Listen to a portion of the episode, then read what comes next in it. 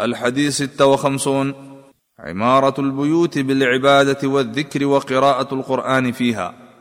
د أباد ولد الله تعالى بعبادة أو ده ذکر أو د قرآن په تلاوت باندې عن أبي هريرة رضي الله عنه أن رسول الله صلى الله عليه وسلم قال لا تجعلوا بيوتكم مقابر.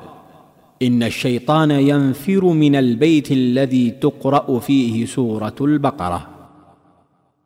أبو هريرة رضي الله عنه څخه روایت فرمای نبی کریم صلی الله علیه وسلم فرمایلی دي تاسو د خپل کورونو څخه هدیره مه جوړوئ یقینا شیطان تښتي په کوم کور کې چې سورته بقرة لوستل د دې حدیث د راوي پېژندنه مخکې په دیار لسم نمبر حدیث کې ذکر شوی ده.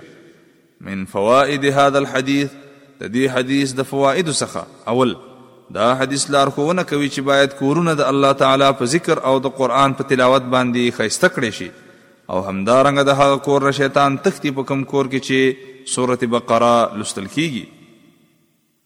دوهم مسلمان باید په خپل کور کې د الله تعالی عبادت او د هغه بندگی وکړي ترڅو چې کور یې د هدیره په شان نشي او سیدون کې د هغه کور د مړو پشان نشي.